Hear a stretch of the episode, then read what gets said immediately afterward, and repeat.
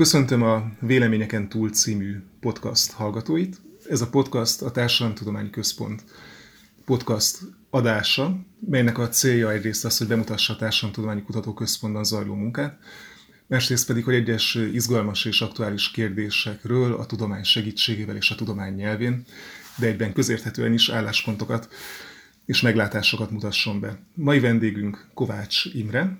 Szia Imre! Szervusz! Kovács Imre a Szociológiai Intézetnek az egyik vezető kutatója, és a magyar társadalom integráltságáról fogunk majd beszélgetni. De mielőtt erre rátérnénk, azt szeretném kérni, hogy be tudnád röviden mutatni, hogy eddig mivel foglalkoztál, hiszen az nem titok, hogy te a Szociológiai Intézet és így a központ egyik tapasztaltabb kutatója vagy, ha fogalmazhatok így. Nyugodtan. Köszönöm szépen. Hát a, az én kutatói pályám az vidékszociológiával indult.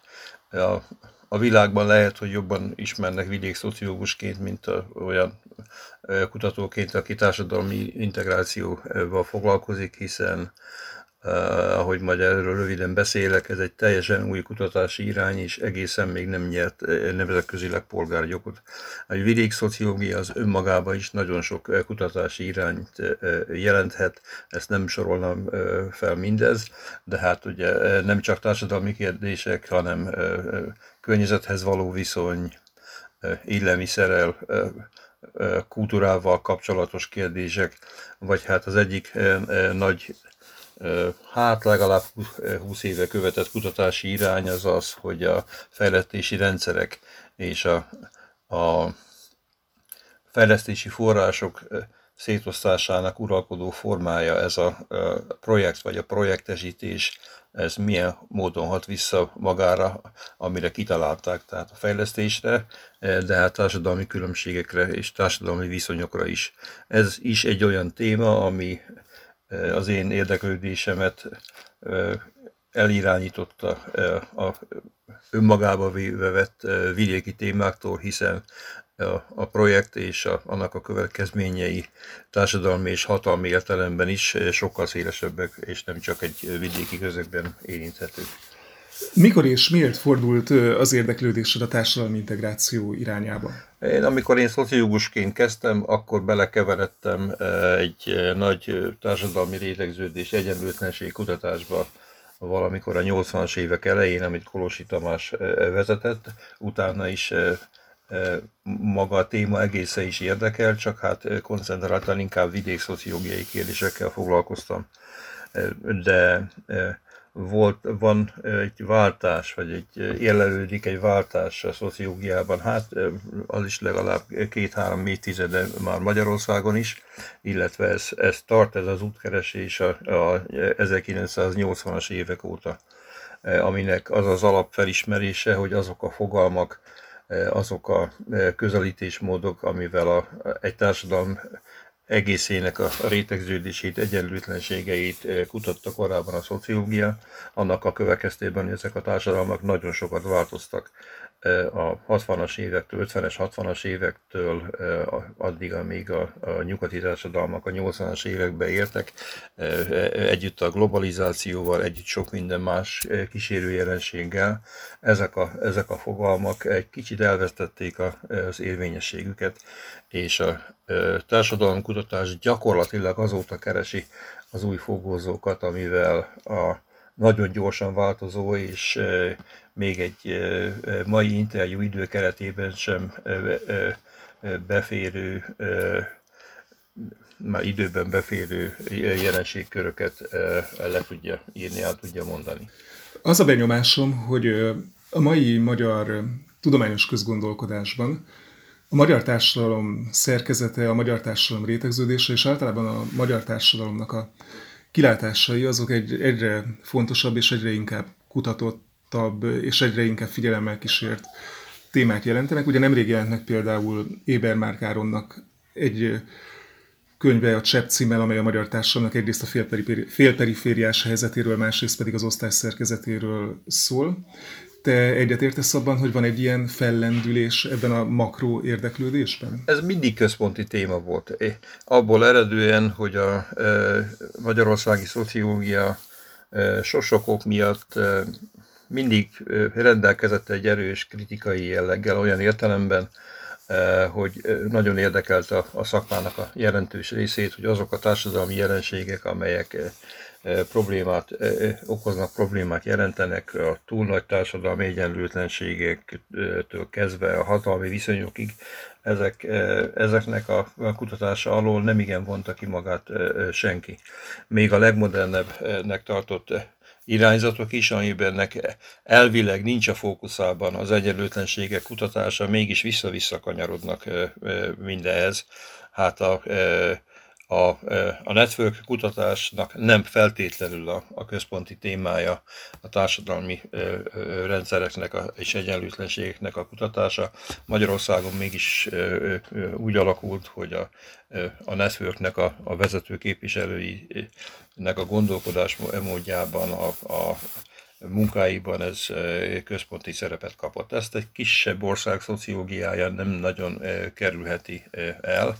A, a kisebb ebből szempontból azért fontos, mert hát itthon sose, soha nem, senki nem tudja megmondani azt, hogy ugye hány szociológus működik, de hát feltételezzük azt, hogy lehet 800 ezer ember, ez egy túl kicsi szakma ahhoz, hogy a, központi témák és a, a társadalomnak a legfontosabb problémái ne ihlessék meg a kutatások, kutatásokat időről időre. Másrésztről ez a bizonyos útkeret, és ez tapasztalható itthon is, hát az előbb említettem a, a, a network kutatásoknak a, az ilyen, jellegű irányultságát is. Ez egy ilyen ág, amin, amin elindultak a kutatók, meglátjuk majd egy idő után, hogy módszertani értelemben vett megújulás az tartalmilag is elvezethet egy ilyen megújuláshoz. Egy fiatalabb nemzedék látványosan kritizálja, vagy, vagy hát azt is mondhatnám, hogy, hogy szakított radikálisan, vagy próbál szakítani radikálisan azokkal a megoldásokkal, amelyeket a, a mainstream rétegződés és egyenlőtlenség kutatások alkalmaztak. Annak egy része is, hogy megpróbálják az osztályelemzést újra varázsolni, azzal a célral, hogy jobban meg lehessen érteni a, a jelenkori magyar társadalmat. Ezek is egyelőre kísérletek én nem látom mindennek a korlátait, meg talán a lehetőségeit is, de hát az egyik alapvető megközelítési különbség és kritika az elmúlt koroknak az egyenlőtlenségi vizsgálataival szemben, hogy szerintük politikai és egyéb okok miatt a hatalom kérdésével korábbi modellalkotók vagy egyenlőségkutatók nem nagyon foglalkoztak. 90 előtt politikai okok miatt, utána meg talán a megszakottság és a módszertan, a követett módszertannak a, a való megrögzöttség miatt. Ha már említetted az osztály elméletnek a bizonyos szempontból újra csomagolását, engem mindig nagyon izgatott, hogy egy ilyen társadalomról alkotott makróképnél szükségszerűen kell valamiféle rétegződés, és a rétegződés megközelítéséhez kellenek különböző ilyen, hát nem is tudom, csoport képző ismérvek. Sok mindent hallottam, ugye osztály, csoport, réteg, ezek a legtipikusabbak. De melyik mellett tennéd le a voksot, vagy egyáltalán hogy látod ezeket a makró kategóriákat és az ő jelentőségüket? Nagyon leegyszerűsítve az eddig felhalmozott tudást, azoknak a modelleknek és a, a társadalomkutatási gyakorlatnak is az egyik alapvonulata az, ami a munkába való ágyazottság praktikusan a foglalkozási kategóriák alapján próbál meg olyan csoportokat, osztályokat, mindegy, hogy minek hívjuk képezni, ami alapján elképzelhetőnek tartja a, a magyar társadalom egyenlőtlenségeinek a megjelenítését, megértelmezését is. A hát a, ugye a munkajelleg csoportok, amivel a, annak idején a 60-as e, években a szociológiának a nagy nemzedéke e, valójában elkezdte a magyar társadalom viszonyait elemezni, az mind a mai napig egy élő és követhető hagyomány. Itt ugye arról van szó, hogy a megkérdezetteknek a foglalkozása az jelenti az alapot ahhoz, hogy segédmunkásnak, vezetőnek, értelmiségének, vagy bármi más csoportba sorolják a megkérdezetteket. A az új kísérletek is erősen, módszert tekintve erősen ragaszkodnak az ilyenfajta besoroláshoz, csak megpróbálnak politikai, hatalmi viszonyokat is vegyíteni ezzel a szemlélettel, és ezen keresztül magyarázatot találni arra, hogy miért van abban az állapotban a magyar társadalom, amiben van. Történtek persze kísérletek e, e, másra is, hiszen a státuszcsoportok e, mint elrendező modell az bevezetésre került, vagy néhány évvel ezelőtt egy egészen más generációja és más, irányú, más kutatás irányultsággal rendelkező kutatói csoport megpróbálta a lázens osztály elemzést alkalmazni, amit úgy más néven BBC modellnek neveznek, ami sok minden egyebet is megpróbált beemelni a, a társadalom egyenlőtlenségeknek a, az elemzésébe.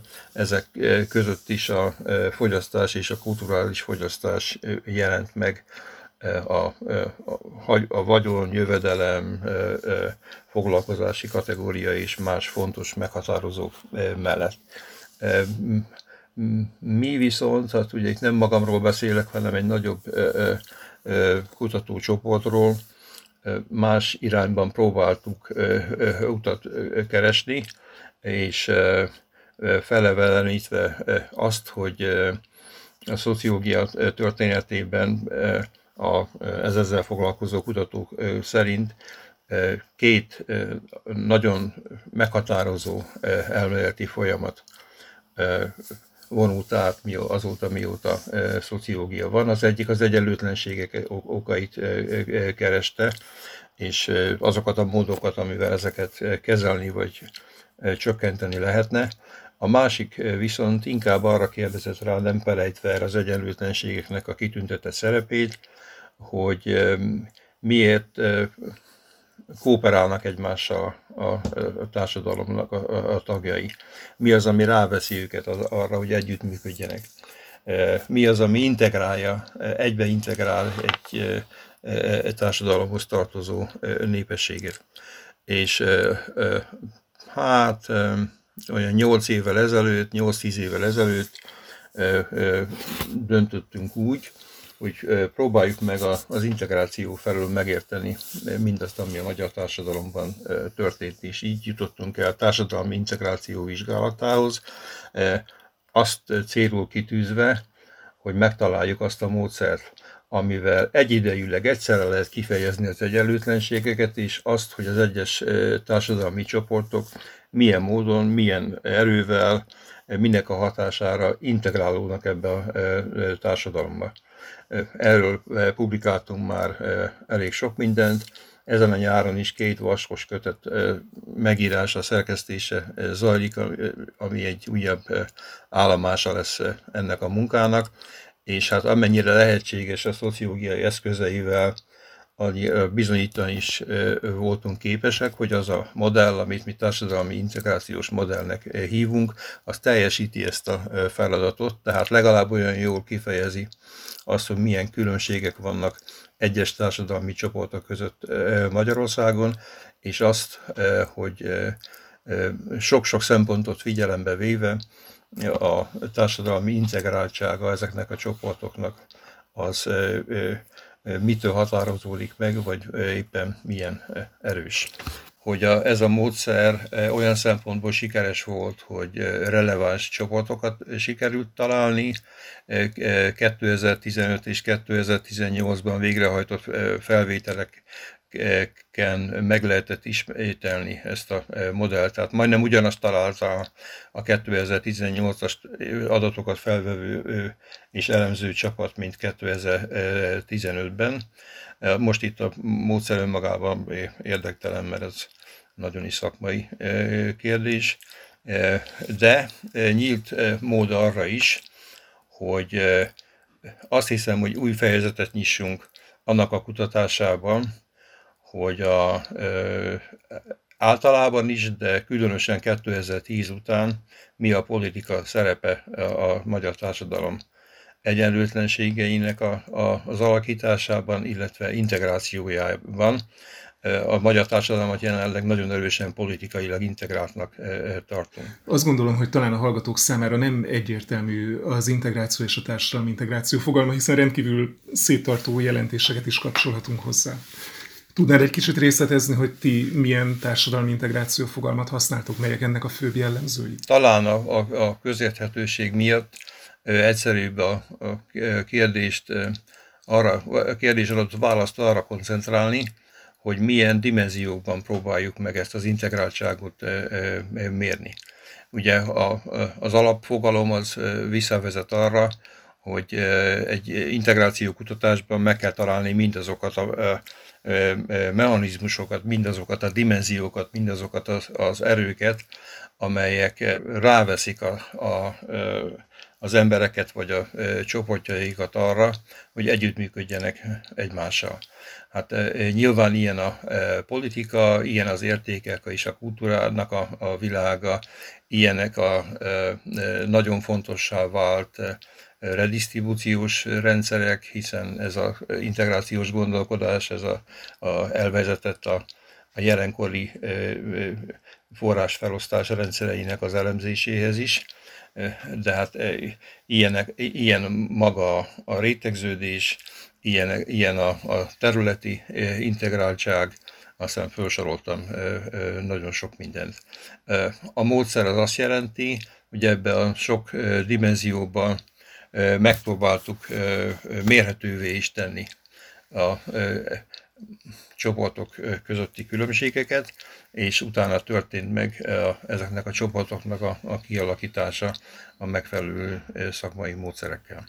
És ha jól értelmezem a tanulmányaitokat, akkor hét ilyen úgynevezett csoport, ti klasztert használtok, mint kifejezést, létezik a magyar társadalmon belül. Igen, hát az nem jelent titkot, 10-15 igen felkészült kollégával együtt. Egy bő fél évet dolgoztunk a, annak idején a, ennek a hét csoportnak a, a megtalálásán, mert hát ugye ennek megvannak a szakmai szabályai, és nagyon-nagyon sok információt kellett ahhoz figyelembe venni, hogy szakmai módszertani értelemben, meg a saját igényeinknek is megfelelően megtaláljuk ezeket a csoportokat. És ahogy mondtam is, ez egy hasonló módszerrel felvett, hasonló mintán, de három éves időtáv elteltével után végrehajtott az a felvételnek az információi szerint is nagyjából hasonló csoportokat talált a magyar társadalomban. A, a, ugye ez a hét csoport, ez még egyszer mondom, a mi felfogásunk szerint kifejez, kifejezi azokat a társadalmi különbségeket, és legalább olyan érvényességgel teszi ezt, mint a összes korábban magyar szociológiában alkalmazott modell, hiszen amennyire tudom, elsőként a magyar szociológiában az adatfelvételünkön létrehoztuk azokat a modelleket is, amit korábban alkottak meg a munkajelleg csoportoktól kezdve egészen az úgynevezett normatív funkcionalista csoportosításig, és próbáltuk mérni a, ezeknek az érvényességét. A részletek itt most érdektelennek, meg túl hosszú lenne beszélni róla, de amennyire ez, ez mérhető, azok az eredmények alapján úgy látjuk, hogy a, a mi modellünk érvényessége az semmivel se kisebb, mint a, a korábbi csoportok, csoportosításoknak az érvényessége. Amennyivel az integrációs modell többet tud, az az, hogy figyelembe veszi az integrációs szempontokat, tehát ilyesmiket, hogy kinek mekkora kapcsolathálója van, mi a véleménye az állami intézményekről, mennyire érzi azt, hogy kevésbé része a, a, a magyar társadalomnak, milyenek az értékei és normái, mennyire vesz részt a politikai életben, itt most nem csak tüntetésekre gondolva, hanem ennél egyszerűbb viszonyokra is a helyi politikusokkal, vagy éppen az országos politikához, és, és még egy sor más szempontot. Plusz lehetőség nyílik arra, hogy a, a NER rendszerében különösen fontossá váló politikai hatást a, a, az integrációra és az egyenlőtlenségre elemezni lehessen. Ezt más modellek így módon nem tudják. Áttekintve ezt a listát, amit felolvasnék, mert szerintem fontos lehet a hallgatók számára. Ugye a modellnek a csúcsán állnak a kapcsolatgazdag politikai aktívak, utána lokálisan integráltak, munkaerőpiacon integráltak, normakövető aktívak, normaszegő munkapiacon, munkaerőpiacon integrált, gyengén integráltak, mint egy csoport, normakövető dezintegráltak és kirekesztett alulintegráltak. Rögtön a jog szociológiával foglalkozóként a szemem észrevette, hogy igazából a hét csoportnak a hét csoportból háromnak a megnevezésében is a normakövetés szerepet kap. Ez valamilyen szempontból tudatos volt, vagy csak úgy láttátok, hogy így lehet a legjobban megragadni egy csoportképző ismérvet? Hát a normakövetés szempontja is nagyon sok kérdés a válasz alapján érvényesült a, a csoportképzésnél, de hát ez mindenképpen fontos volt, hogy az egyes integrációs csoportokhoz tartozók milyen mértékig fognak, fogadnak el uralkodó normákat. Tehát mennyi, milyen mértékig fogadják azt el, hogy mondjuk korrupcióban van, vagy más általános normák mennyire érvényesülnek, és ebből a szempontból is igencsak megosztott a magyar társadalom. Azok, akik kevésbé integrálód, integrálódnak a, a magyar társadalomhoz, azoknak egy jelentős része nem fogadja el ezeket a közösségi normákat. Nekünk jogszociológiai jellegű kutatásban egy érdekes összefüggés rajzolódott ki, hogy alapvetően a normakövetésre döntő hatása van egyrészt az iskolázottsági szintnek, másrészt pedig az anyagi helyzetnek. Ti láttatok ilyen típusú összefüggést? Hát, ahogy említettem is, a gyengén integráltak vagy, vagy dezintegráltak között erőteljesebb a, Hát nem a, szem, nem a nyílt szembefordulás az uralkodó társadalmi normákkal, hanem inkább annak az elfogadása, hogyha valaki ezek, ezek ellen a normák ellen vét, vagy, vagy nem veszi figyelembe ezeket a normákat. Tehát itt nem arról van szó, hogy aktív normaszegés történjen, hanem ennek a, az ehhez való viszony az, amit próbáltuk mérni. És hát miután a csoportok kifejeznek nem csak integrációs kapcsolatokat, hanem, hanem társadalmi helyet is. Bizonyos szempontból vissza tudom igazolni azt a tételt, amiről beszéltél, hiszen azokban a csoportokban erősebb a, a norma szegésnek az elfogadása, akik, ahol a társadalmi hátrányok kumulálódnak. Mindezek alapján a kutatásotokat áttekintve jelenleg milyen folyamatok zajlanak a magyar társadalomban? Szerinted melyek azok, amelyeket feltétlenül ki kell és ki lehet emelni? Egyrésztről eh, hangsúlyoznám, hogy erősen politikailag integráltnak eh, eh, látszódik a magyar társadalom, ami azt jelenti, hogy az integráció szempontjából is fontos folyamatokat nagyon nagy mértékben a, a NER rendszerének a politikai viszonyai határoznak meg. Ez megtörténhet azért, mert a fejlesztési források jelentős része a mostanában készít, szakértőkkel készített interjúk szerint is nagyon nagy mértékben projekt formában jut el a, a felhasználókig, a projekt pedig egy olyan rendszer, amiben a politikának meghatározó szerepe van a, a témák kiírásában, a felosztásában, annak a meghatározásában, hogy kik kapják meg ezeket a pénzeket, és itt nem az extrém példákra gondolok, amikor nyilvánvalóan a nagy politikai kilensekhez kerülnek milliárdok, mert ez remélhetőleg még nem száz százalékig a, rendszernek a, a része.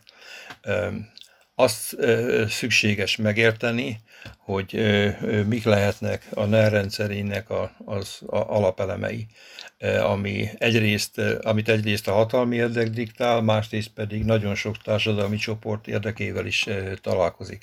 Ez mindenféleképpen egyfajta stabilitás, még azok, azon csoportok számára is, akiknek a társadalmi állapota, társadalmi helye nem túl előnyös, hiszen az alsó középosztálynak, az alsó középrétegekhez tartozók is joggal félhetnek attól, hogy egy, egy nem várt esemény következtében a szegények közé süllyednek, illetve a bizonyos értelemben még a, a, a szegények számára is jelent valamit, ami az utóbbi, különösen az utóbbi öt évben történik, ami egy gazdasági felemelkedésnek az, az időszaka volt, ez teljesen mindegy, hogy ennek mi az alapja, egy valós gazdasági teljesítmény, vagy a, az EU-ból jövő támogatási pénzek, ez ugye a közembert nem nagyon érdekli, de hát ugye tudod, hogy, hogy a nagyon elesettek körében is volt egyfajta kicsike fogyasztás emelkedés. Másrészt a 90 után be, bekövetkezett időszaktól a, az alsó egyharmadba tartozók túl sokat nem kaptak. Egyértelműen ennek az átalakulásnak a, a vesztese is, és a, a bizonytalan hátrányokat hozó évtizedek után egyfajta stabilitást, amivel egy icipicit, nem sokkal, de egy icipicit talán jobb a helyzetük, ezt politikai értelemben is értékelni tudják, hiszen azok a választási eredmények, amikre nagyon sokan rácsodálkoztak, azok bizonyos vonatkozásban az alsó egy harmadba tartozóknak a racionális döntését hozták, hiszen ugye arra szavaztak, akik az államot képviseli számukra, azt az államot, ami az esetek jelentős részében a megélhetésük egyetlen, bár nagyon szűkös forrását biztosítja ezzel, azzal, amazzal. Más, tehát nem részletezve ezt, mert nincs rá igazán idő, de hát kettős folyamat érvényesül. Egyrészt nagyon nagy erővel integrálja a mai magyar társadalmat a, a NER-nek a rendszere, találkozva a középrétegeknek, felső középosztálynak, az alsó középrétegeknek a, a, az érdekeivel, megfelelően használva a manipulatív eszközöket, ugyanakkor az erős integráció mellett működik egy legalább olyan erős dezintegrálás is, mert amíg a, a felső kétharmad számára abszolút és relatív értelemben is valami fajta javulás következett be, különösen 2015 után, fogyasztásban, jövedelemben és egyebekben mérhető javulás, addig a, a leszakadókat megtartja a rendszer abban az állapotában. Tehát az alsó egyharmad, de szembeni politikai viselkedésmód, ami kifejeződik a, a, a szociálpolitikának a működtetésétől kezdve egy sor más tényezőben, itt a, a, a dezintegrálásra tört. Tehát nem nyújtja számukra azt, mint a társadalom többi része számára, sok-sok adat bizonyítja azt, hogy a, a, a, a szociálpolitika eszközeivel az állami támogatásoknak jelentős része az, az alullévőktől átkerült a, a középosztályokhoz. Viszont a dezintegrációnak, a, tehát nem, nem akarja integrálni jobban a politikai hatalom, vagy nem tudja a politikai hatalom jobban integrálni az alsó egy harmadban levőket. E, éppen ezért, miután a stabilitás, a társadalmi és a politikai stabilitás egy olyan dimenzió, amiben nagyon nagy társadalmi csoportokban megtalálja a támogatását a politikai rendszer, és a saját hatalma biztosítása szempontjából is ez elsődleges, valamit csinálnia kell ezzel az egy, egyharmaddal, és a, ugye a, ennek a dezintegrációnak a, a része, hogy e, megoldja e, a politika e, tudománynak a szakifejezéssel élve, a dezintegráltság állapotában, de politikailag pacifikálni tudják e, ezt, a, ezt az egyharmadot. Tehát csendben van ez az egyharmad, és e, e, kvázi eltűri azt, hogy ez a fajta elosztási politika történjen, ami, ami történik, ami ugye preferálja a középen és a felüllevőket. Azt hiszem, ez egy kiváló végszó volt ez a beszélgetéshez. Köszönöm szépen Kovács Imrének, hogy elvállalta ezt a felkérést, és szerintem túlzás nélkül állíthatom, hogy egy rendkívül gondolatébresztő beszélgetést hallhattunk, amit érdemes magunknak is tovább gondolni. Köszönöm szépen, Imre. Köszönöm én is. És köszönöm szépen a hallgatóknak is a figyelmet. Ez a véleményeken túl a Társadalomtudományi Kutatóközpont podcastja volt, én pedig Fekete Balázs voltam, aki a beszélgetést vezette. Köszönöm szépen a figyelmet.